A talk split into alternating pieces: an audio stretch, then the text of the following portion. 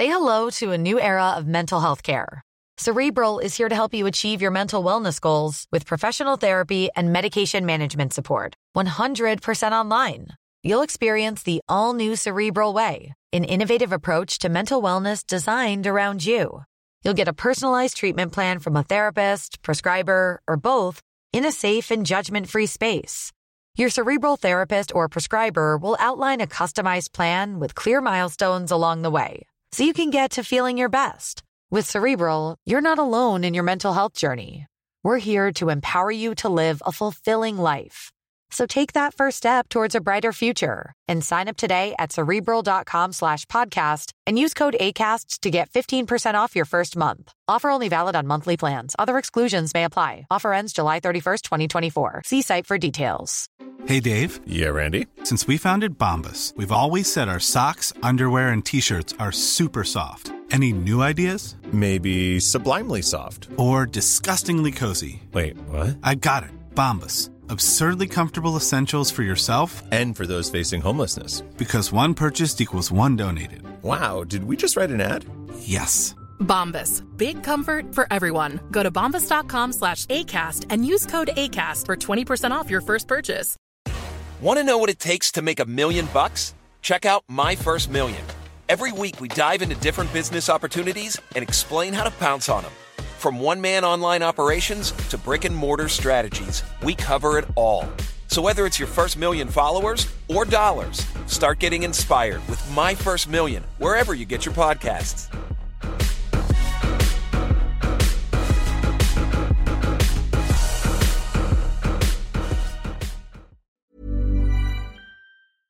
Den här veckan presenteras Market Makers av inga mindre än Ikea. Och det här, Fabian, ligger mig varmt om hjärtat. Eh, det var ju några år sedan nu, men då var jag faktiskt med och inredde kontor till företaget jag drev. Men vi, och vi körde faktiskt i princip uteslutande möbler från Ikea, med kök och hela rubbet. Eh, och som nog alla vet, varför väljer man Ikea? Jo, för att det står för hög kvalitet, snygg design och fantastiska priser. Ja, jag sitter i en kontorsstol nu från eh, Ikea och jag vet ju att många finansexperter där ute gillar att köpa de här Herman Miller-stolarna för, eh, går om för 5 till 10 000. Och jag har ju själv suttit i sådana och jag tycker den här stolen från Ikea, den är minst lika bra om inte bättre, men liksom en tiondel av priset. Ja, jag håller med. Och jag sitter med ett Ikea-skrivbord faktiskt, höj och sänkbart, som är fantastiskt bra. Det enda som var synd när jag inredde kontor, det var att då hade inte Ikea lanserat sitt lojalitetsprogram för företag. Men nu har de gjort det.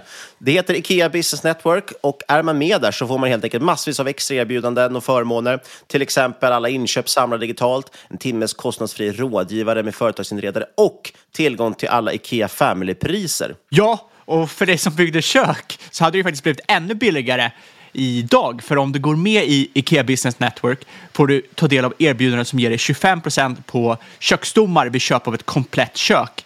Och den rabatten hade ju sparat dig många, många tusenlappar. Verkligen. Och du som lyssnar, du har ju chansen att ta del av det här. Om du går in på ikea.se företag så kan du läsa mer om vad Ikea kan erbjuda för just ditt företag och du kan gå med i deras lojalitetsprogram Ikea Business Network. Vi säger stort tack till Ikea. I'm amazed how many people own stocks. They, they would not be able to tell you why they own. They couldn't say in a minute or less why they own. Actually, you really press them down, they'd say the reason I own this is the sucker is going up. There's enough cash in the financial system, and there's an infinite amount of cash at the Federal Reserve, an infinite amount of cash. Put that check in a money market mutual fund. Then we'll reinvest the earnings into foreign currency accounts with compounding interest, and it's gone. So they had to do something. All they had left was just to print money and start buying things. And that's what they did. Quick buck artists come and go with every bull market, but the steady players make it through the bear market. They say money can't buy happiness. Look at the fucking smile on my face. Hej och välkommen till ett nytt avsnitt av Market Makers. Hur är läget med dig Fabian? Är du i arenan? Provar saker? Alltid Jag- lär dig? Jag är i arenan, jag provar saker, jag lär mig alltid. Eh, absolut, och eh, supertaggad på att eh, sitta här framför tradingdesken när solen skiner ute. Man har sitt kaffe framför sig och eh, ja, vad mer behöver man? Ja, i ett, eh, jag sitter också här i ett soligt Linköping. Östergötlands Rivieran fick jag höra från en som uppenbarligen aldrig varit i Linköping. Eller i Rivieran. Ja, det kanske är så. Något, något av dem är det fel i alla fall. Eh, det här med Arena i alla fall, ifall någon inte förstår det, det är han eh, Shamath. Eh, vad heter han i efternamn Nu glömde jag bort det bara för det. jag vill inte säga, jag kommer bli cancellad. Ah, okay. Han eh, gav sig ut, någon eh, anklagade honom på Twitter för att han har kört pump and dumps, vilket han ju i princip har gjort då. Eh, med risk att jag blir förtal för, anklagad för förtal om han nu någonsin skulle lyssna på vår svenska podd. Men eh, han eh, pumpade ju väldigt mycket spackar när det var som mest hett med spackar och även andra innehav. Och sen så har han ju bland skrytit på sin podd och sådär om att sen att han dumpar de här innehaven liksom när de går upp och sådär. Så att han har kört väldigt tydligt. Mycket pump and dump skulle man kunna säga, mycket spackar som i princip är värdelösa. Och det var någon som frågade honom det, men eh, hur tänker du egentligen kring det här liksom att uh, retail-investerare, dina följare har följt dig in i de här investeringarna och sen har du bara dumpat det rakt ut på dem. Och då sa han bara att uh, jag är i arenan, jag provar saker, vissa kommer funka, vissa funkar inte, but always learning. och sen har det blivit lite av en meme. Ifall det är någon som inte förstod kontexten. Och sen bara, ah, ni skulle ha sålt när jag sålde. Man bara, Exakt.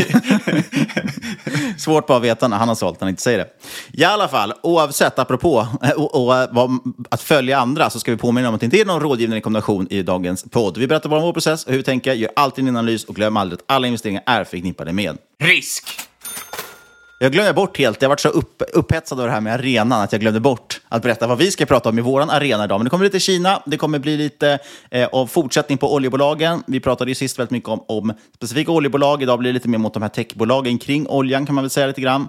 Eh, och sen tänkte jag också köra en liten battle av matkassar kanske. Komma in lite på Ooh. Linas och Hello Fresh. Ja, det har ju varit hett senaste året. Det ska bli kul. Men eh, vi kan väl börja med Kina kanske? Ja, det tycker jag verkligen. Och ja, i, jag, jag, tror ingen egentligen har missat vad som händer i Kina. Liksom, det är hundratals artiklar som kommer ut från BBC, CNBC till DN. Um, ehm, säkert Aftonbladet har tryckt en massa artiklar om det här nu. Uh, och det handlar i stort sett om den stundande implosionen i den kinesiska ekonomin. Och då kan man ställa sig frågan, har år av kassainvesteringar äntligen kommit till ett stopp? Är recessionen i Kina på G? Och eh, framförallt, hur kommer det påverka resten av världen? Ja, det har varit en väldigt, väldigt svag aktiemarknad i Kina och eh, svag ekonomi också. Exakt, och för den kinesiska ekonomin, de har ju haft det väldigt tufft sen corona. Det var ju officiellt över förra året. Eh, 2021 började man öppna upp. Eh, landet började återhämta sig, återhämta sig rätt starkt faktiskt. Men sen återförde man ju lockdowns förra året och sen dess har man inte riktigt sett en bounce back i ekonomin, i alla fall inte lik den som var 2022. Nej, och jag vet faktiskt inte hur övriga världen... Nu pratar jag bara om svenskt sentiment, men det svenska sentimentet kring Kina har ju svängt väldigt mycket också sista kanske ett, två åren tycker jag att man helt plötsligt inte litar på Kina längre. Tidigare så släppte vi in Kina precis överallt. Vi lejde ju till exempel säkerheten i, i Stockholms tunnelbana till kinesiska företag, gav bort dem då ritningar på viktiga saker och så vidare. Eh, men det har svängt lite, tycker jag, sedan Ukraina-kriget, att man är precis att okej, okay, men Ryssland, Kina och så vidare, de här länderna kanske inte kommer bli demokratiska, eh, liberala demokratier som vi, kommer, som vi är, bara för att vi handlar med dem. Eh, och nu har det ju varit, det senaste exemplet var väl nu här, Bahnhofs, eh, Bahnhof vägrade ju släppa in Kina när de skulle få en rundtur i någon av deras serverhallar. Och de sa att varför ska de in hos oss? Så jag vet att eh, Bahnhofs vd där, Jon Karlung heter han väl om jag inte minns helt fel, skrev om det i något av sina vd-ord också, att han var förbannad på att han hade köpt en eh, robotdammsugare från typ Xiaomi och sett att den spionerade på honom.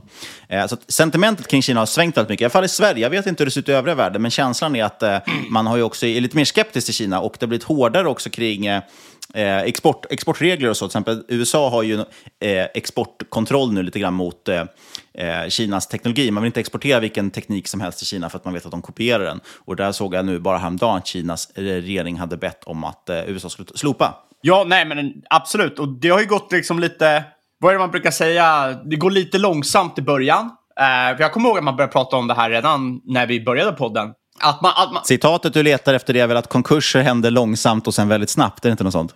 Ja, exakt.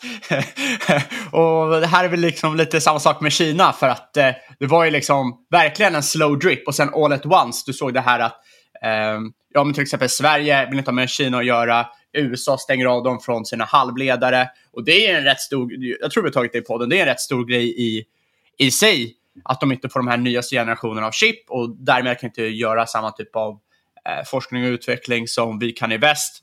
Eh, så att, Nej, man har ju tröttnat lite på att de kopierar det som vi skickar över till Kina hela tiden. Eh, Exakt, Ja. vi tog ju med dem i gänget för att vi tänkte ah, men ni kommer ju bli hyvens killar och ni är ju smarta grabbar. Eh, Men så visade det sig att ah, de kanske inte var så hyvens killar. de, Nej, man har ju trott, som jag sa, att många av de här eh, ekonomierna ska liksom skifta i fokus och bli då så sagt liberala demokratier bara för att vi handlar med dem. Det verkar Exakt. inte funka så bra som man trodde. Eh, sen har ju även liksom rent alltså inhemskt i landet har man också stora problem. Vi ska komma in på fastigheter bland annat. Det var ju också för, var det två år sedan man pratade om de här Evergrande som är väl Ja. en av de största fastighetsutvecklarna i Kina som höll på att implodera och då sa man att "Ah, ja, men det kommer nog lösa sig, staten kommer rädda dem och så vidare. Men nu såg jag häromdagen att de rapporterade nya miljardförluster och jag tror aktien sjönk 90 procent eller något sånt där. Yes. Eh, ja, och det som är liksom lite läskigt här, i alla fall ur en kinesisk synvinkel, är ju hur stor fastighetssektorn är i Kina. Det är den, liksom, det är den viktigaste industrin. Eh, det står för cirka 25 procent av BNP. Eh, och eh, det är faktiskt världens största tillgångslag.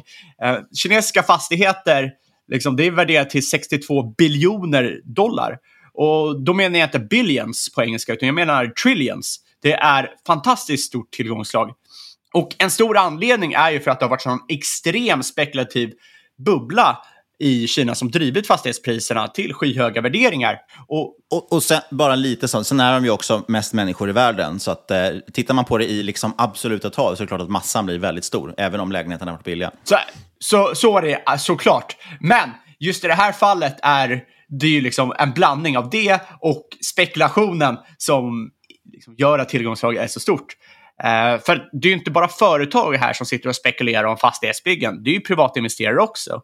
Fastigheter står ju för typ 70 procent av retail-investeringar versus några enstaka procent för privatinvesterare. Och då menar jag inte liksom, boende för eget bruk, utan jag menar att du har ett boende och sen köper ett till boende för att spekulera på att det ska gå upp, eller ett tredje boende för att spekulera att priset ska gå upp. Eh, och piken i fastighetspriser i Kina var ju 2021. Sen dess har de tappat cirka 14 procent, vilket kanske inte låter så pass illa tills man inser att insatsen i Kina ligger i snitt på 24-25 procent. Så många är alltså under vattnet. Och eh, det här är ju för de st största städerna. För mindre städer så har bostadspriserna fallit ännu mer. Eh, och problemet är ju inte nu att det är dyra lån, eh, utan det är ju snarare att folk Liksom efterfrågan finns inte längre. Folk vill inte fortsätta spekulera för att de inser att ah, de här huspriserna kanske inte fortsätter stiga för, allt, eh, för alltid. Eh, och som du säger, liksom, det här, hela den här grejen med Evergrande har ju också satt sig på tapeten. Folk är ju sjukt rädda nu.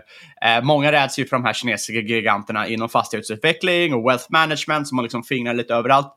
Gömmer stora förluster, vilket kan skapa någon typ av contagion och sprida sig genom landet. Och, ja, eventuellt värde, men det, det tror inte jag kommer hända. Men inom Kina, absolut. Det är det som är svårt lite med Kina överlag. Eh, det är två saker som gör att deras ekonomi är väldigt för, svår att förutspå tycker jag. Dels är det ju det här med transparensen. Vad kan man egentligen lita på? Vi kommer komma in på det sen. Eh, men det känns ofta som att man kanske gömmer undan siffror, filar siffror och så vidare. Man kom, försöker ju alltid kontrollera narrativet där. Där har varit många stora investmentbanker och så och analyshus har ju satt upp egna liksom, olika nyckeltal för att försöka mäta datorn från Kina. Eh, men det andra problemet är också som gör att det är förutspått, det är ju att staten oftast, de styr så mycket också, både med subventioner men också att de kan dra undan subventioner. Så de kan ju liksom rycka undan mattan på den när som helst. Eller som i Evergrandes fall, och dels kanske de döljer förluster, men sen helt plötsligt klev ju staten in och skulle hjälpa dem liksom med lån och, och så vidare. Eh, och jag såg även generellt försöker de rädda upp fastighetsmarknaden också genom att de har ju gått ut nu och börjat sänka bolåneräntor. Så staten går in och, och kräver att man sänker bolåneräntor för att helt enkelt stötta upp eh, bolånemarknaden, eller bomarknaden i, i Kina också. Ja, och eh, ja, men det, ser, det, ser, det ser inte så jätte, jättekul ut i Kina. Jag menar, eh, både consumer confidence och business confidence är på all time low. Eh, inte minst efter de senaste åren och hanterande av den privata sektorn av CCP. Eh, de flesta kommer väl ihåg att de har glidit in där och eh, jag menar, alla kommer väl ihåg när Jack Ma försvann, alltså grundare av Alibaba försvann i några månader, eh, hur de totalt slaktade kinesiska edtech-bolag och så vidare. Ehm, och till följd av detta så försvann ju utländska investerare mångt och mycket från landet. Ingen vill ju riktigt investera där, för man vet ju inte om sina investeringar är skyddade. Och som du säger Niklas, eh, liksom exporten växer inte, framförallt inte i USA. Exporten liksom, till USA sjönk med 20% i juli, vilket är ett rätt dramatiskt tapp. Ehm, och dessutom ser man också minskad, eh, Eh, alltså att arbetskraften minskar, väldigt stor arbetslöshet, framförallt bland eh, yngre.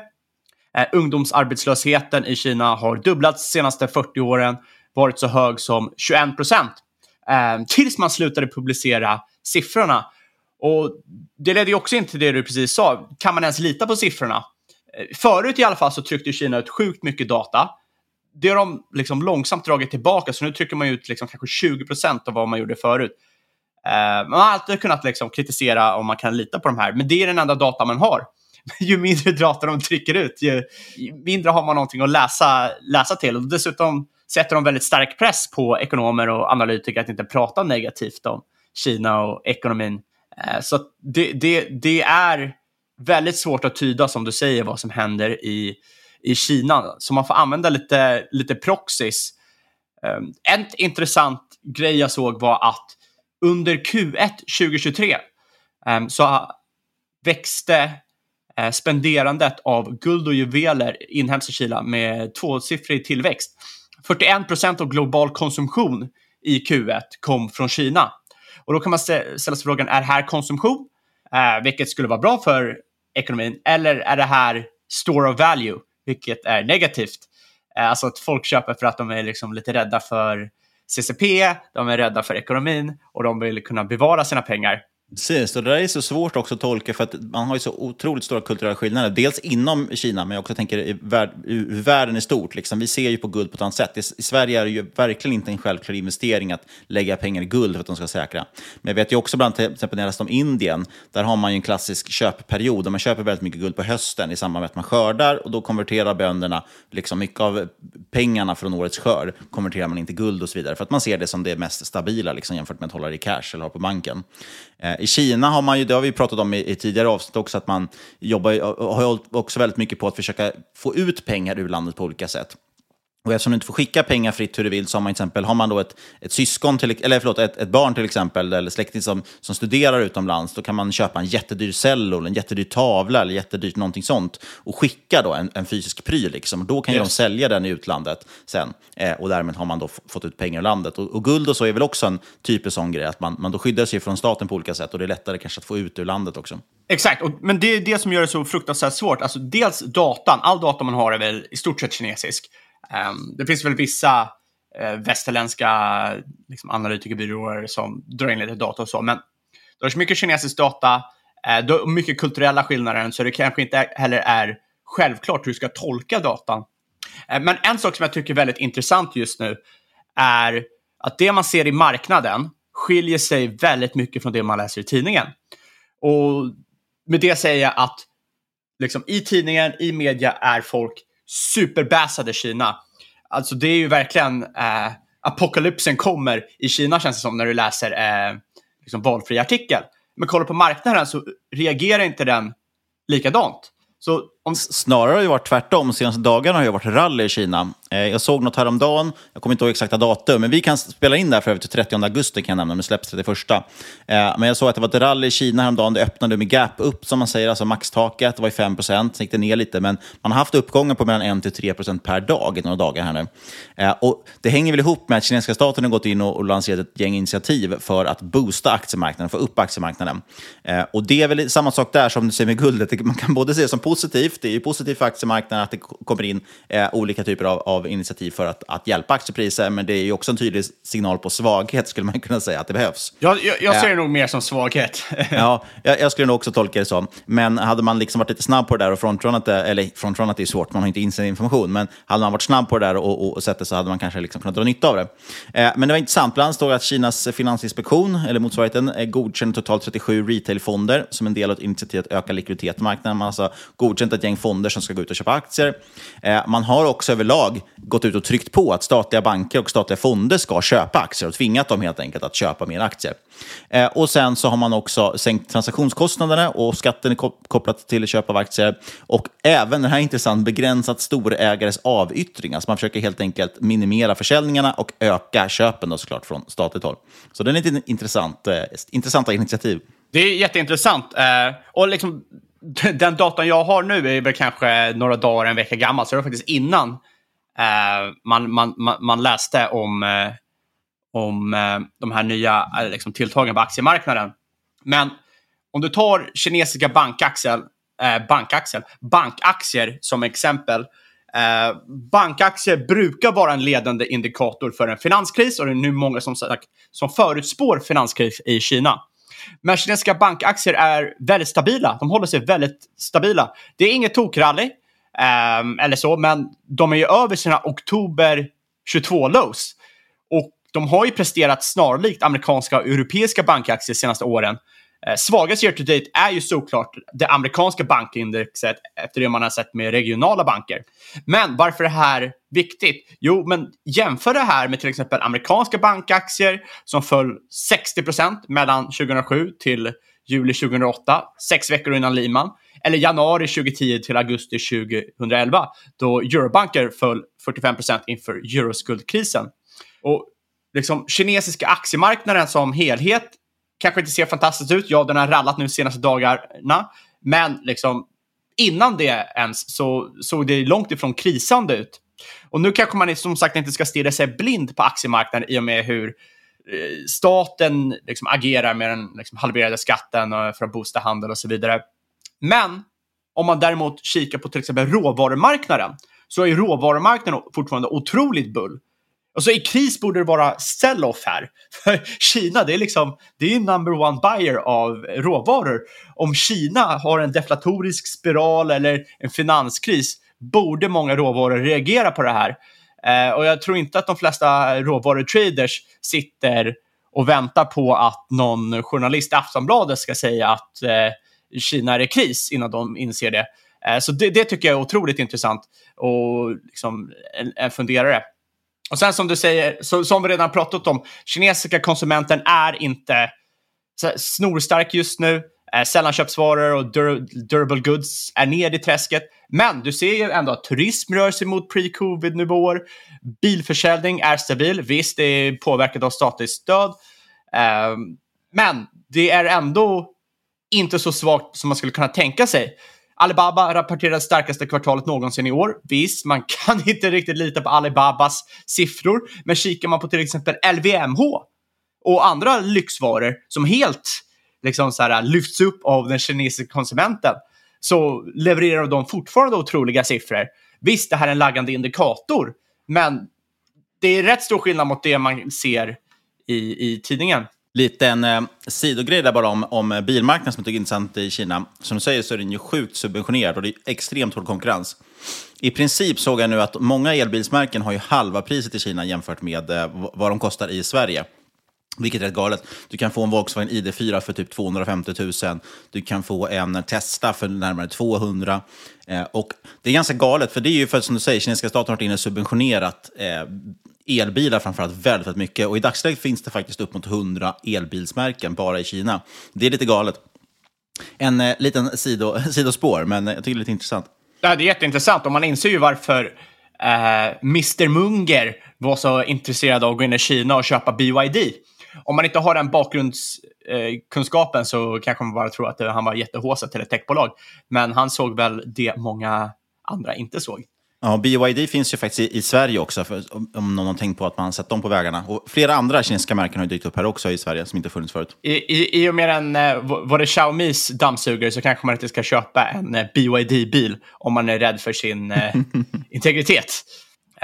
Men bara för att samman, samman liksom ta, ta, slutet här på Kina-grejen. Kina uh, valutamarknaden är fortfarande stark i Kina. Eh, eller liksom den kinesiska renminbin, den är svag mot amerikanska dollar. Men fortfarande över 2022 lows. Kanske inte det man skulle tro i stundande kris. Samtidigt stiger den mot japanska yenet, snart på all time high, och även mot sydkoreanska wonet. Och de här är liksom konkurrenter ekonomiskt, en liksom bättre jämförelse än just USA. Ja, allting men, är väl svagt mot dollarn, inte säga. Exakt, men i kris borde inte de liksom, kinesiska valutan stiga eh, mot de här andra. Och det enda man ser tydlig pain i är kinesiska high yield bonds och företagsobligationer. Och det är väl främst för att utländska köpare, eh, liksom, de har varit tagare historiskt och nu har de dragit sig undan. Och liksom, eh, men den här svagheten som man ser då i high yield bonds, det ser man inte i kinesiska statsobligationer. Kinesiska långa statspapper har outperformat amerikanska med 35 procent sedan covid 2020. Eh, och liksom en, en stor anledning till det här är att de senaste 12 månaderna har amerikanska liksom långdaterade, över 20 år, eh, statsobligationer avkastat minus 17 procent. Liksom föll nästan tvåsiffrigt under sommaren. Eh, och då har kinesiska bankaktier, som är en ledande indikator för finanskris, som avkastat 56 procent year to date, outperformat amerikanska statsobligationer med 20 procent i år. Det här, är, det, det här är rätt sjukt egentligen, för då har det alltså ledande indikator för finanskris i ett land som uppenbarligen är i finanskris har outperformat statsobligationer, en av de säkraste instrumenten du kan köpa i liksom, ett av världens säkraste ekonomier. Liksom, det, det är väldigt konstigt att inte mer skrivs om det här i media. Visst, det kan hända skumma saker med bankaktierna i, i Kina och så, men det är väldigt konstigt att man inte ser vart, liksom, vart man än vänder sig på marknaden, att få, att den reagerar på den här stundande finanskrisen i, i Kina. Du måste läsa om det i DN för att hålla koll på det. Och jag är ingen jätte liksom, makroguru, men jag tycker att det är konstigt att DN och liksom, även YouTubers och så förstår att det är kris i Kina. Men banksektorn, råvarusektorn, valutasektorn, ingen marknad verkar prisa in det. Och det kan ju vara en first time for everything, men man blir ju lite konspiratoriskt Eh, för vad är det som händer i marknaden just nu? Ja, långa amerikanska obligationer kraschar. Samtidigt har du tech och growth som i sig är long duration assets som rallar. Och vad händer om eh, Kina, världens näst största ekonomi, kollapsar? Jo, du får en global deflatorisk chock. Och vad gör man i en deflatorisk chock? Du eh, säljer Kina och emerging markets, du säljer bank och finans, value, råvaror Uh, och det blir flight to safety. Du köper amerikanska statspapper och du kan fortsätta äga dina jäkla growth. Vilket alla jävla sitter på. Uh, det är nästan för bra för att vara sant om det är en konspirationsteoretiker. Eh, ja, ja, ja, ja, ja, jag tycker att det är en jättekonstig sits man sitter i just nu när marknaden och media är helt divergenta spår. Eh, och för övrigt kan man ju nämna att eh, Kinas ekonomi är faktiskt rätt isolerat från resten av världen. Eh, export, ja visst det påverkar om det blir kris, men den inhemska bubblan och risk för contagion eh, kommer förvaras inhemskt, så det är ingen risk här att det blir en Lehman i alla fall. Nej, men... det, det, slår ju inte om man tänker, men det är ju för att de exporterar snarare än importerar det mesta. USA som importerar det mesta, då slår ju en finanskris i USA slår mot hela världen eftersom de importerar mindre av, av alla andra länder. Men i Kinas fall så kommer de ju fortsätta exportera samma mängd oavsett. Absolut, och bara, bara för att summera här, jag talar ju uppenbart i egen bok eftersom jag är lång i råvaror och råvarubolag och liknande och lång inflationen. Men jag, jag, jag, jag tycker att när alla långar Nvidia, man är bearish Kina, eh, som i stort sett samma trade och allt vad det innebär, så tycker jag det är intressant att ta den motsatta traden här. Ja, apropå det med Nvidia förresten, ett stickspår här också. Bara, men, eh, de hade otroliga siffror och otrolig guidance framför allt nu på sin senaste. Vi pratade ju förra veckan om hur det skulle gå egentligen på deras rapport. Eh, och den var ju fantastisk rapporten. Tittar man på de siffrorna som de guidar för, då i P talet går det fort ner från ja, 250 eller det stod i till typ 50 eller någonting. Eh, grejen är dock att man måste ta med sig den kan ju fortsätta ett bra tag till. Jag såg senast nu igår var den upp 4% till, så det är säkert en, en bubbla man kan fortsätta långa, men att ha med det i bakhuvudet att även Cisco levererade fantastiska siffror runt eh, 00-talet där i dotcom-bubblan. Eh, det fanns ju en anledning till att det håsades upp. Det var ju för att Cisco gick, gick ju som tåget, själva bolaget, precis som Nvidia gör nu. Men till slut brukar de där bubblorna spricka. Det är väldigt få saker som växer till himlen. Ja, alltså sjukaste guidance jag någonsin sagt, eh, sett. Och de, de hade ju en enorm bit. Men alltså det som bakas in i aktiekursen nu. Och grejen, stora skillnad mot till exempel 2020 som många jämför med nu också, det är att 2020 så kunde du backstoppa som nollräntan. Du har inte den. Du har en sjukt högt värderad aktie där du måste verkligen prestera på topp. Men sen om du inte gör det har du, faller du tillbaka på en liksom, 5-procentig ränta. som eh, liksom, om, om, när den slår till så... Ja, det kan spricka snabbt. Men ja. fram tills dess kommer de säkert leverera fantastiska siffror, för de, det går ju bra för bolaget just nu. Eh, och jag har sett en sådana kommentarer, så folk bara, ja, men om man räknar på det här nästkommande år, då kan du få ner det på P 30 kanske. Liksom. Och det är inte orimligt för bolag som växer över 100 procent. Nej, men de kommer inte växa 100 procent varenda år. Men vi får se hur länge det håller i sig. Jag har i alla fall ingen position i Nvidia. Eh, jag vågar varken ta lång eller kort sidan där. Ska vi hoppa över lite till matkassar? Där kan vi också prata om en marknad som har imploderat lite grann och som framförallt var coronadopad. Och det är det som är lite intressant nu, för nu börjar ju de här jämförelsetalen från corona försvinna, vilket gör att de här aktierna är lite intressanta. Och jag tänker vi ska prata dels om HelloFresh och också Linas matkasse. Och då tänker jag att vi kan börja kanske med, med Linas och gå lite på djupet där. Eh, och för det första så vet jag inte, be behöver vi ens förklara de här bolagen? Nej, det tror jag inte. Alltså, du kan ju dra en snabb bak, bakomliggande bakåtliggande, bakomliggande. ja, men precis. Vad säger man ens? Bak lite bakgrund. En bakgrund, Eh, liksom li- en mening typ. Ja. Om det är någon som absolut har missat det här så gör ju de helt enkelt matkassar. Det vill säga, du har en prenumeration. Du säger till exempel att ja, men vi är fyra personer i hemmet. Vi vill ha hem eh, mat för fem dagar per vecka. Och då varje måndag så kommer, eller vad det nu väljer för leveransdag, så kommer helt enkelt en kasse med mat hem till dig. Då. Jag har ju haft matkassar i princip sedan det lanserades. Det måste vara snart eh, tio år sedan någonting vi har haft matkasse. Till och från, provat massa olika aktörer. Eh, bland annat just nu håller vi på att variera fram och tillbaka mellan Linas och HelloFresh. Eh, så att om man tänker ur lynchningsperspektiv så har jag ganska bra koll på den här marknaden. Vi pratade också om HelloFresh i podden i avsnitt 157, om man lyssnar på det. Då går vi igenom lite djupare om HelloFresh och varför jag tycker att de är eh, den mest intressanta aktören sett till, kanske inte sett till aktien nödvändigtvis, men sett till liksom, bolagsmässigt, för de är så pass stora. De är ju gigantiska, finns över nästan hela världen, har en enorm logistikkedja, producerar egna varor, har väldigt duktiga på att förhandla kontrakt och så vidare. Och Linas har sprungit lite eh, försökt jagat efter det, men alltid varit en liten eh, minispelare helt enkelt i sammanhanget. Och det är det som har varit deras största nackdel tycker jag, Linas, som, som ju är svenskt väl i grunden. De har verksamhet i Danmark, Sverige och Norge. Norge heter väl Adams matkasse. Eh, Danmark kommer jag inte ihåg, det heter typ Gott leverans eller Gott hem eller något i den stilen. Eh, I Sverige heter det Linas matkasse. Adams matkasse. Ja. Men eh, Linas i alla fall har ju som sagt legat efter, försökt jaga ikapp, men det är svårt och det här är också en bransch som jobbar väldigt mycket med marknadsföring. Det är mycket så här, skicka ut rabattkuponger, gratiskassor och så vidare. Och då tittar man ju på hur stor del av omsättningen kan de lägga på user acquisition, som det så fint heter, det vill säga att anskaffa nya kunder genom rabatter. Ja, och då är det ju ganska enkelt. HelloFresh tror jag äger något så här över de har en marknadsandel på över 70 procent på sina kärnmarknader, vilket betyder att om de då lägger liksom 10 procent av omsättningen på marknadsföring, ja, då motsvarar ju de 10 procenten ett enormt mycket mer pengar i, i absoluta tal än vad det gör för till exempel Lina, som de lägger 10 procent på marknadsföring. Så de ligger lite i lä. Men då är det intressant här.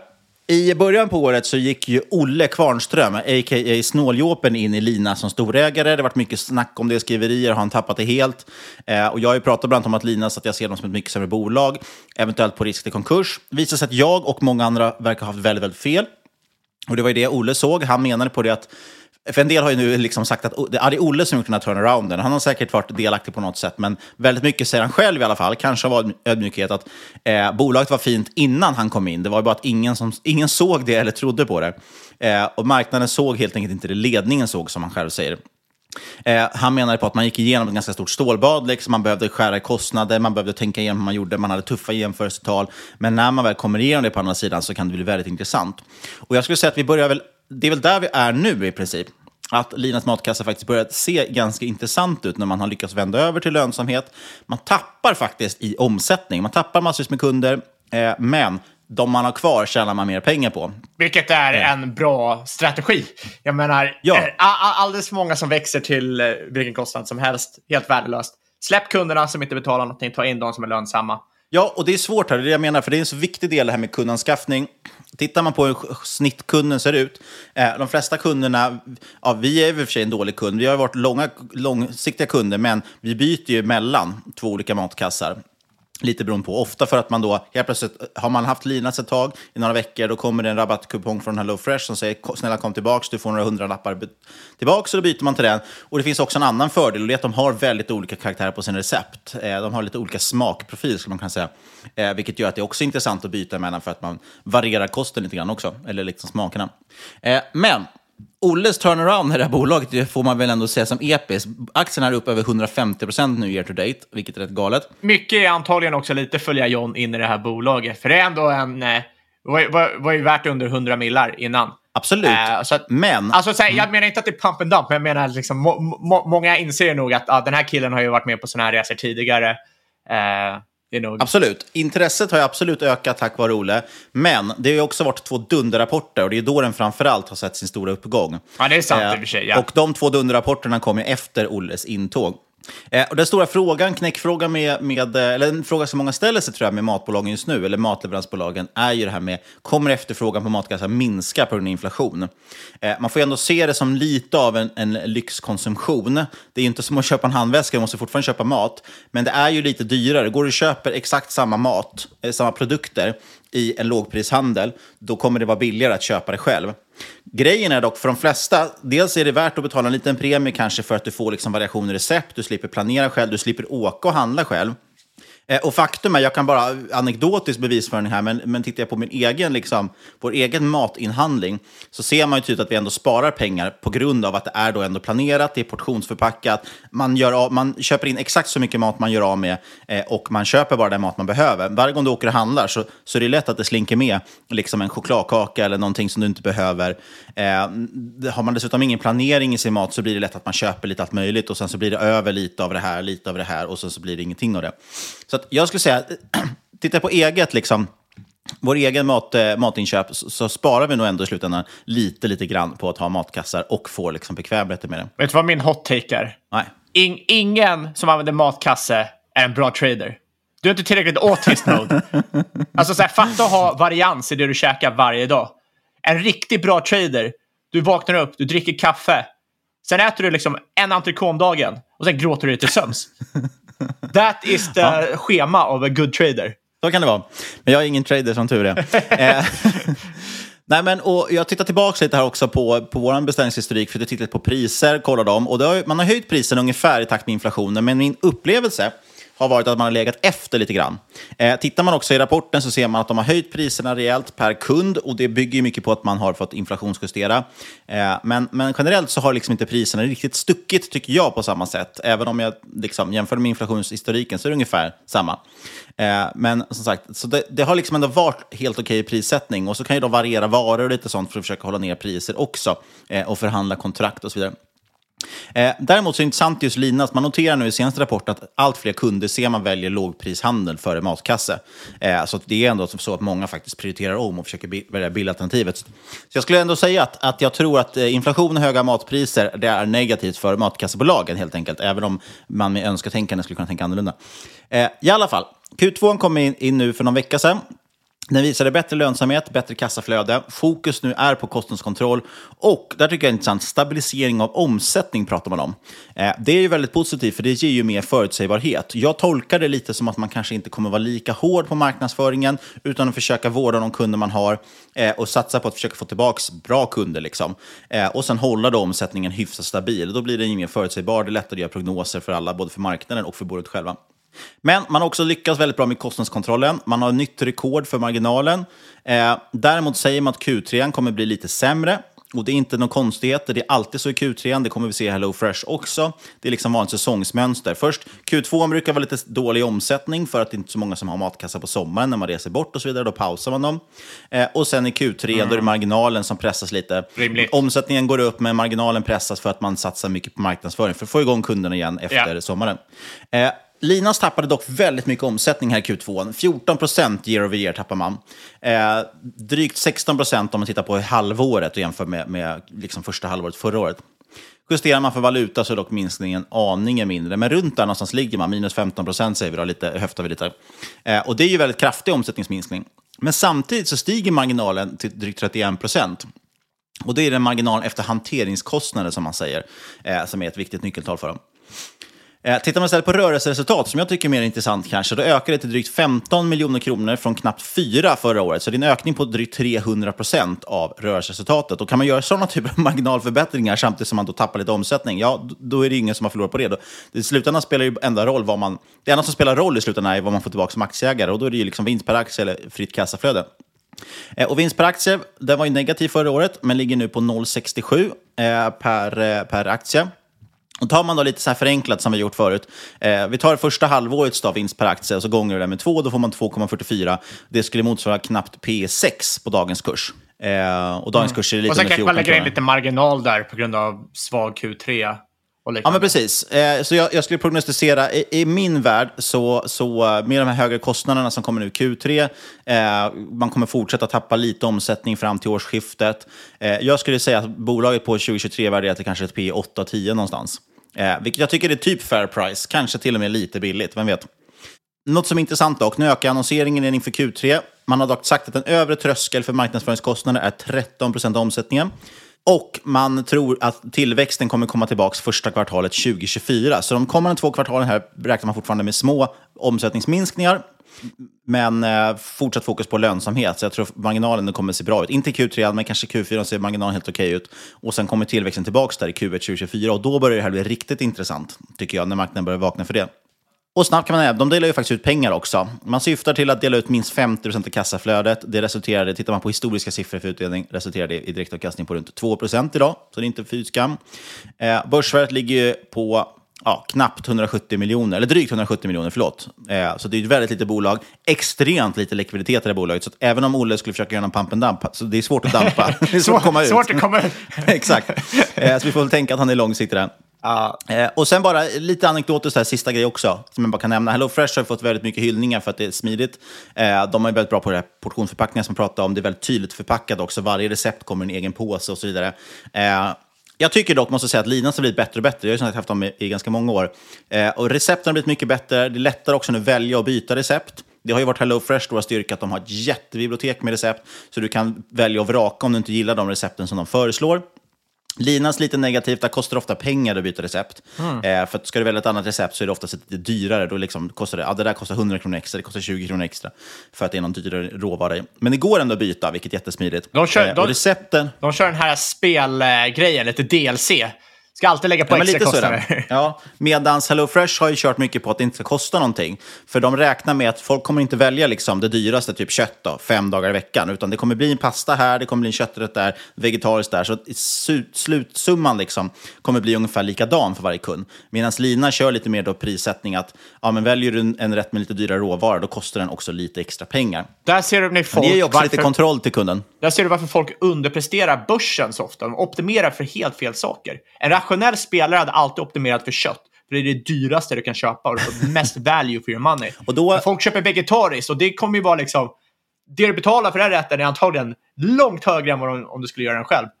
Så är det. Och så är det framförallt i HelloFresh. Så där kan man ju verkligen optimera. Kör man HelloFresh så kan du gå in och välja och aktivt välja de dyraste rätterna. Om du skulle vilja optimera på det sättet. Men sagt, jag tycker Linus har blivit mycket bättre de senaste åren. Medan jag tycker HelloFresh börjar man tröttna lite på. Det är ganska kul i någon, några månader. Sen känner man att ungefär alla rätter smakar ganska likadant. Eh, och sen tröttnar man lite. Jag måste säga att Linus har ändå lite mer variation. Men de har för och nackdelar båda två. Eh, avslutningsvis bara lite disclaimer här också. Jag äger inga aktier i Linas. Så får vi det i vägen. Det har varit mycket snack nu om, om poddar som pratar om bolag man själv äger. Så nu har jag sett till att inte äga några Linas här när jag pratar om det. Så vet ni det. Bra, jag säljer alltid av innan en podd när jag ska prata. Exakt. Och sen köper jag tillbaka när det har släppts. Helst två veckor efter. Ja, det var någon på Twitter som tyckte man skulle göra så. De skulle sälja aktierna innan varje gång man ska prata om någonting. Du, jag glömde det nästan det viktigaste. Linas matkasse, ticken är LMKG. Eh, Linas matkasse Group står det för. Men bolaget ska ju byta namn till Chefello, eller Chefello, eller hur ska man uttala det? Va- varför ska de göra det? Det ska jag berätta för dig. Här, ska det komma, här kommer ett citat. Att byta företagets varumärke markerar ett stort steg framåt i vår organisationsutveckling. Namnbytet bidrar till att stärka vår företagskultur och gör att vi kan skapa mer meningsfulla kopplingar till vår affärsverksamhet. Så det är solklart. Nå någonting med det namnet gör bara att jag tänker på Sodexo. Och det är de som drar in skolkäket när man, bara, Ja, när man gick i skolan. Så att eh, jag får dåliga vibes. Jag hade blankat den här aktien till på det. Ja, Det är ett utomordentligt dåligt namn tycker jag och eh, jag har inget bättre namnförslag i och för sig. Eh, Det är också en otroligt dålig motivering för det säger absolut ingenting. Det känns verkligen som så här, eh, managementkonsultspråk. Den kommer i alla fall byta namn till Chefello. Jag antar att det blir någon tickerförändring. Men det man kan ta med sig som egentligen är det viktiga det är att ut mot konsument kommer man fortfarande ha samma namn. Det kommer fortfarande heta Linas Matkasse i Sverige och Adams i, i Norge och så vidare. Det är, det är bra. Så att det här är bara ett gruppnamn. Det är väl någonstans för att det inte ska vara fokus på den svenska verksamheten. Man ska förstå att det finns eh, fler verksamheter. Vi hoppar rast vidare till HelloFresh om vi ska hinna avsluta det här avsnittet i det här dygnet. Eh, HelloFresh ticker HFG. Eh, HelloFresh, apropå pris förresten på matkassar, HelloFresh ligger faktiskt lite billigare. Jag fick fram det till 150 kronor billigare ungefär. Om man då tänker den största kassen, det är ju för fyra personer och fem dagar. Eh, och som jag sa, Linas kostar också lite extra när du ska byta ut rätter. Så HelloFresh är det billigare alternativet ändå. Eh, därav det en också... Alltså det är stora konkurrensfördel som jag pratade om, det är att den här logistikkedjan de har, den är helt otrolig. Det är någon, någonting hästväg jämfört. Och den underskattar väldigt många tror jag, hur svårt det är att göra faktiskt, effektivt. Och det gör också att de kan pressa priserna på ett helt annat sätt. Men vi hoppar rakt in på siffrorna istället. Eh, omsättningen mycket mer stabil än Linas. Svagt ner, 2% minus var omsättningen nu i Q2. Men justerat för valuta så växer man faktiskt 1% Men man ska ändå se det som att det är ett bolag som har det lite svagt, svårt just nu. Eller inte svårt just nu, men det är svaga siffror liksom i den här perioden. Eh, och samma säsongsmönster här. Sommaren är oftast dålig. Q3 kommer det vara press på marginal istället. Viktigt här dock är att man nu är kassaflödespositiva i HelloFresh och man ökar fokuset på det. Ett nyckeltal man börjar lyfta upp nu som viktigt är kassaflöde per aktie. Och då kan man fundera på båda delarna i den ekvationen. Dels vill man öka kassaflödet, men man vill också minska antalet aktier och man har faktiskt gjort lite återköp också. Så man får väl återköp istället för utdelning här. Eh, lite ökat fokus på aktieägarvärde kan man säga. Eh, man tror också att man kommer återgå till dubbelsiffrig tillväxt inom kort. Även om guidance den sänktes ju lite för 2023. Förut siktade man på att landa mellan 2 till 8 procents tillväxt. Nu kommer, äh, förlåt, 2 till 10 procent. Men nu sänker man det över taket. Så 2023 kommer vi landa på mellan 2 till 8 procent tillväxt. Men det intressanta är att sen ska man ha tillbaka till tvåsiffrig tillväxt. Eh, och jag skulle gissa på att det är samma timeline som vi ser här som i Linas. Man kan nog följa de här ganska likt. Att Q3 kommer att vara pressade marginaler, Q4 helt okej. Okay. Eh, sen i Q1 nästa år, det är då det kommer börja brassa på rejält. Och det är skönt, för man lämnar ju liksom de här dopade coronaåren bakom sig, så det blir lättare och lättare jämförelsetal. Eh, ja, och HelloFresh som sagt, de vinner väldigt mycket på sin storlek. Eh, något som varit intressant här också, jag äger lite aktier i HelloFresh, har gjort det kortsiktigt. Eh, mycket för att många har kränkt ut aktier i det här bolaget. Alla tillväxtfonder har egentligen dumpat sina innehav i HelloFresh på grund av att just tillväxten har dalat. Nu, när vi ser ny tillväxt på horisonten igen, då ungefär lagom är de klara med att dumpa ut sina aktier, så de ligger lite efter kurvan där. Som det brukar vara. Ja, så det där tycker jag har varit lite intressant, liksom, eh, intressant läge. Eh, och överlag, förväntningarna på bolaget har varit jättelåga. Så i slutet på juli kom man ju också ut med en omvänd vinstvarning. Eh, där liksom, förväntningarna på just ebitda, eller på justerad ebitda, förlåt, eh, var runt 145 miljoner euro. Men man trodde istället att man skulle landa närmare 200. Och nu när Q2 kom in så landade eh, man till och med lite högre än i den omvända vinstvarningen. 192 miljoner totalt euro, om man ska vara exakt. Det är en ökning på 31 procent från förra året. Så det har växt väldigt bra lönsamhetsmässigt. Eh, men det är dyrt, det här bolaget. P 70 på rullande 12. Eh, jag vet att... Eh, nej, skitsamma. Jag tror att man för 2023 kanske handlas någonstans på typ P50. Jag har ingen jättetydlig prognos här, men det intressanta är egentligen vad som händer 2024 när den här tillväxten ska återupptas och tvåsiffrig. Eh, då kan det krympa ganska snabbt ner mot kanske P 2030. Fortfarande dyrt, eh, så där har jag handlat det lite mer på, ja, på grund av den här rebounden som jag tror, liksom, att vi har haft folk som har kränkt ut aktier, men nu försvinner de svåra jämförelsetalen. Jag tror vi får någon form av lite rebound till hösten när tillväxten börjar åter komma upp igen. Liksom, och det tror jag kommer, kommer tycka är intressant. Eh, men jag vet inte, jag är lite sugen på att switcha över de här till Linas också. Eh, så vi får se. Någon, någon av de matkassarna kommer jag äga, men jag ska inte röra det nu eftersom vi pratar om det i podden. vi, brukar ha, vi har ju pratat om att vi brukar ha två veckors lite så, tidsfrist. Att om vi pratar om något i podden så säljer vi inte efter inom två veckor. Kom igen, ge grabben lite exit liquidity för fan. Nej, sen är det alltid så här, säljer man med förlust å andra sidan, då är det ingen, ingen skada skedd. Eh, ja, jag tror i alla fall att det här har varit, det har varit en intressant rörelse. Man har, den har gått upp nästan 10 procent de senaste veckorna. Eh, jag tror att den där kanske rörelsen kan vara klar, men jag tror att ja, det finns säkert lite utrymme kvar här under hösten. Så jag tycker att HelloFresh har varit lite intressant. Eh, jag äger aktier just nu, men jag vet inte hur länge jag kommer behålla dem. Åtminstone två veckor i alla fall. Eh, slutligen kan man bara säga att Goldman kommer ut i slutet av juni med en rapport där de förutspådde en revansch just för matleveransföretagen. Och ska man summera den lite kort så sa de att ja, men vi har haft hårda jämförelsetal från covid, som jag pratade om, och det lägger man nu bakom sig. Eh, man har haft hög inflation och svagare konsument, vilket då har setts som negativt, så då har man dumpat hela sektorn. Men som vi ser nu på båda de här två bolagen så höjer man ju marginalerna. Man har liksom varit väldigt duktig på att, att justera kostnaderna helt enkelt för att kompensera för det här rejält. Eh, och de tror nu, eh, Goldman alltså, på att omsättningsökning, eh, omsättningsökningarna kommer komma nu under kommande kvartal, eh, samtidigt som inflationen backar. Så då får man lite double whammy där helt plötsligt. Att du har liksom justerat kostnadskostymen samtidigt som det börjar växa igen. Och då kan det bli väldigt intressant. Och det är samma tes som jag tror på. Eh, och i den rapporten satte de dock en neutral rekommendation kan jag säga på HelloFresh. Eh, ja, och det är för att de tycker att det är lite svår produkt, att det är hög naturlig kundomsättning som de säger. Alltså det är lite flyktiga kunder. De satte däremot köp på Delivery Hero om man tycker det är intressant. Det har vi pratat om tidigare på den som blankningscase väl när vi hade en gäst där. Och på tal om matkassar, ge mig bara fem minuter innan ni stänger av podden så ska jag ha en liten genomgång om no några offshorebolag. Nämligen Reach, Oddfjäll och eh, PGS. Är det rapsolja de, de gräver efter? Eller? Exakt, exakt.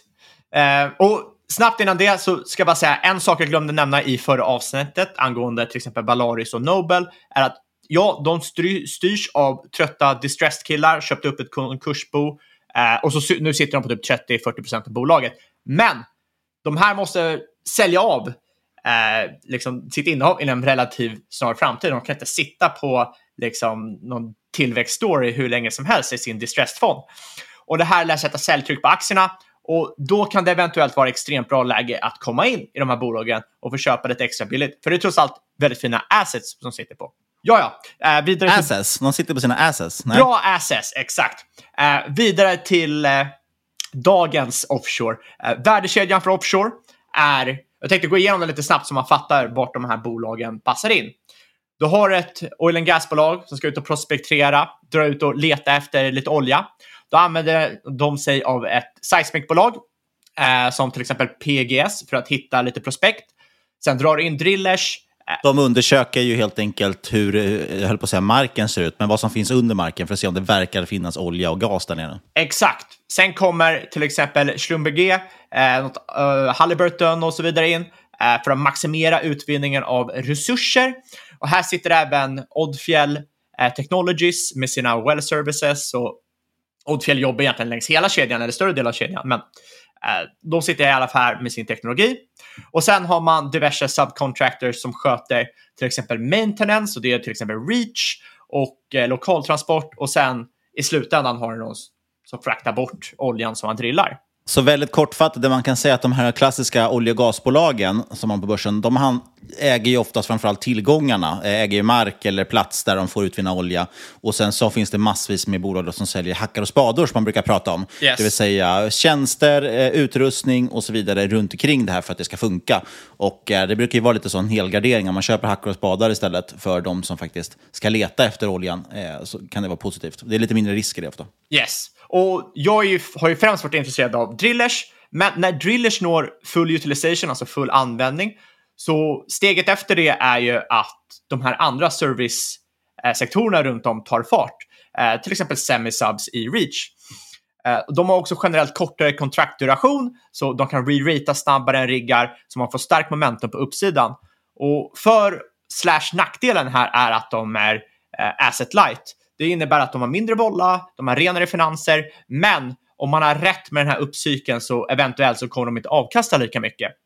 Eh, en liksom, annan nackdel är också att kontrakten brukar inte vara lika transparenta som för riggar, eh, för de här mindre aktörerna i alla fall. Så det kan vara rätt frustrerande som investerare. Men det där du sa med mindre volla och så, men mindre uppsida, helt enkelt. Min, du får lite mindre avkastning, men till också lägre risk. Ja, om, om, om man vill se det på det sättet. Eh, först ut, Reach. Eh, kom in med en riktig pangrapport. Omsättning upp 34% year on year. Ebit upp 140%. Backloggen upp 70% till 590 miljoner NOK. Uh, man har nu fem helägda båtar, fyra chartrade, tre projektcharters samt 12 rovs. Utilization ligger på 95% och uh, trots att man inte guidar så antyder man att Q3 och Q4 kommer vara starkt. Det brukar det vara om man kommer his kollar historiskt också. Och sen uppdatering kring Reach Remote. Det är deras autonoma och radiostyrda fartyg. Eh, fullskalig testning under Q1 2024 och de ska operationaliseras under Q2 2024. Då kommer man se vad som börjar hända här och det är en rätt stor del av tesen eh, för det innebär att man drastiskt kan höja vinsten. Eh, och de har ett väldigt stort intresse från marknaden för just Reach Remote i och med till exempel de stigande kostnader, eh, kostnaderna för bemannade fartyg. Eh, jag har en väldigt håsig värdering på 2023 estimat som landar på cirka EV-EB3-ish. Eh, även lite mer rationell eh, så kanske man skulle sätta det på eh, det dubbla, EV-EB6 typ. Eh, men jag tycker Reach är väldigt spännande just nu, speciellt när du har sånt momentum med bolaget. Ehm, ja, det är liksom starkast momentum bland de flesta eh, underleverantörer. Sen har vi... Jag har för mig att vi pratar om Reach i avsnitt 277 om man vill läsa, lyssna mer om det bolaget. Yes, så alla de här har vi tagit upp innan, så det är en liten uppdatering. Eh, och så Oddfjell Technologies, de kom in med en helt okej rapport enligt mig. Omsättning upp 37% ebitda upp 25% men backloggen var flat. Själv säger man att det här är korrelerat med drilling i Norge och Storbritannien. Eh, liksom man betar av backloggen där samtidigt som man satsar på att bygga upp i andra kategorier, till exempel well services. Eh, men man har fått många små contract wins eh, och man förväntar sig att det ska fortsätta liksom, bygga momentum under uppcykeln i liksom, kommande år. Man ser till exempel många tenders inför 2024. Så det ser ju ljust ut här. Liksom man kommer antagligen bygga på backloggen nästa år. Och redan nu ser man ju väldigt hög utilization. Eh, en nackdel är att man påpekar att löner stiger, sätter en viss del på, eller viss press på marginaler. Eh, man påpekar också i callet att man är opportunistisk och öppen för M&A. Och även om jag inte är superbullish så måste man medge att det finns värde för konsolidering i en väldigt fragmenterad bransch eftersom det ger pricing power. Och eh, man kommer nog se mycket M&A i hela riggsektorn. Eh, och eh, liksom min svettkalkyl på Oddfjell är väl typ ev ebit 5-6 på eh, 2023. Jag kan nämna det också att Oddfjell tror jag vi har i bolagsportföljen. Jag har i alla fall Oddfjell i min portfölj så har vi disclaimer avklarat. Och Oddfjell pratar vi om, inte kanske så mycket på djupet, men vi pratade lite om bolaget i avsnitt 269 där vi generellt pratade just om, om oljetjänster. Eh, där pratade vi också om ett bolag som heter PGS. Yes, och PGS ska vi ta upp nu. Och det var ju lite från det avsnittet. Det var därför jag sa det Fabian, det var en övergång. Ja, det var superbra övergång min vän. För du hade ju där från det avsnittet ett bolag som gick bra och ett bolag som gick dåligt. Eh, omsättningen för PGS eh, minskade 11 procent under Q2. Ebit typ halverades. Eh, och även fast de ger goda skäl i sitt call så är det inte riktigt vad man tänkt för ett bolag som agerar i nästan till duopol. Eh, man pekar på att rates och marginaler förbättras och kommer förbättras, att det är stark efterfrågan och man är uppbokad i Q3 Q4 och att man jobbar starkt på att boka upp för 2024. Men jag tycker den här svagheten just nu, det är inte särskilt gött. Uh, märkte man att andra inte heller tyckte när man lyssnade på konfkålet. Uh, och sen när vi tog upp det här i podden senast så snackade vi om man behövde göra en finansiering eller en refinancing. Uh, och den kom in några procent högre än jag gissar på och det tycker jag är rätt dåligt av management. Uh, liksom någon procent hit eller dit snor åt sig jäkligt mycket cashflows över tid. Och uh, det är inte positivt, svaghet tycker jag. Marknaden ser fortfarande risk i att man inte har cashflow att täcka sina skulder. Jag personligen tror faktiskt att det här är rätt lugnt i och med just att man har rätt mycket cash på balansräkningen och sina lån. Eh, till det positiva då, då, det är att man faktiskt year on year lyckas dra ned på räntebärande skulder med 300 miljoner dollar. Eh, skulder står nu på strax under 600 miljoner, så det är faktiskt en bra avbetning här och man vill minska ytterligare eh, 140 miljoner dollar för att få bort de eh, värsta skulderna. Och sen tänker man börja med lite cash distributions, typ utdelningar. Eh, bolaget handlas till ev ebitda 3-4 beroende på hur snäll man är. Äh, är. Jag tycker att det är mycket svårare att förutspå vad som kommer hända PGS Q3, Q4 än vad det är för Oddfjell och Reach. Även fast ingen av dem liksom riktigt guidar Eh, jag personligen sålde PGS efter eh, refinance tidigare i år eftersom jag tyckte jag såg det som en svaghet som sagt. Eh, inte nöjd med utvecklingen här. Trots det så ser bolaget faktiskt rätt billigt ut.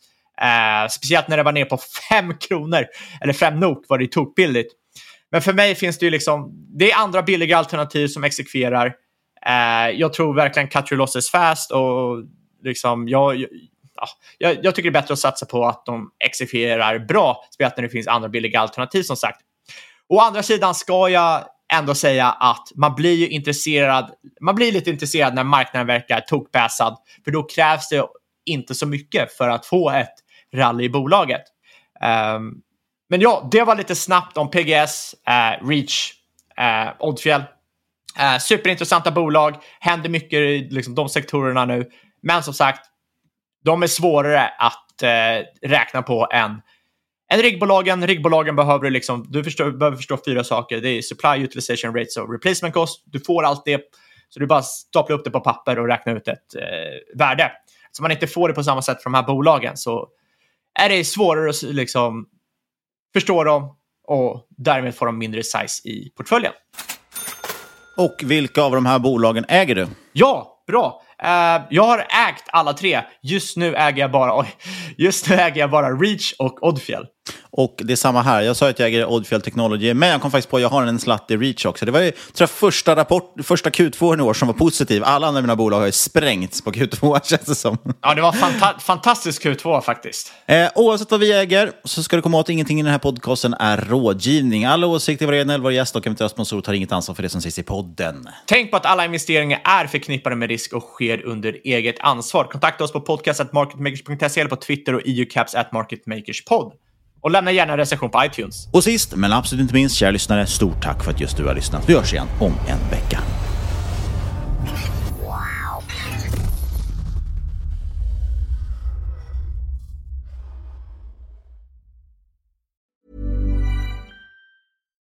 Botox Cosmetic, out of botulinum toxin A, FDA approved for over 20 years. So, talk to your specialist to see if Botox Cosmetic is right for you. For full prescribing information, including boxed warning, visit BotoxCosmetic.com or call 877-351-0300. Remember to ask for Botox Cosmetic by name. To see for yourself and learn more, visit BotoxCosmetic.com. That's BotoxCosmetic.com. Want to know what it takes to make a million bucks? Check out My First Million. Every week, we dive into different business opportunities and explain how to pounce on them. From one man online operations to brick and mortar strategies, we cover it all. So, whether it's your first million followers or dollars, start getting inspired with My First Million wherever you get your podcasts.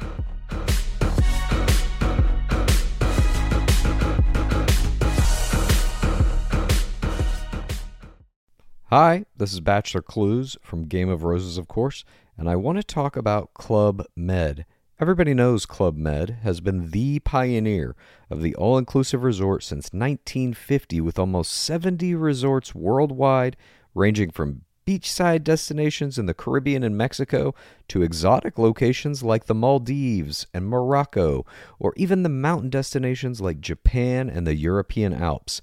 Dine on delicious gourmet cuisine, enjoy more than 20 activities, and make memories with your family. For more information, visit clubmed.us or call 1 800 Club Med or your travel advisor.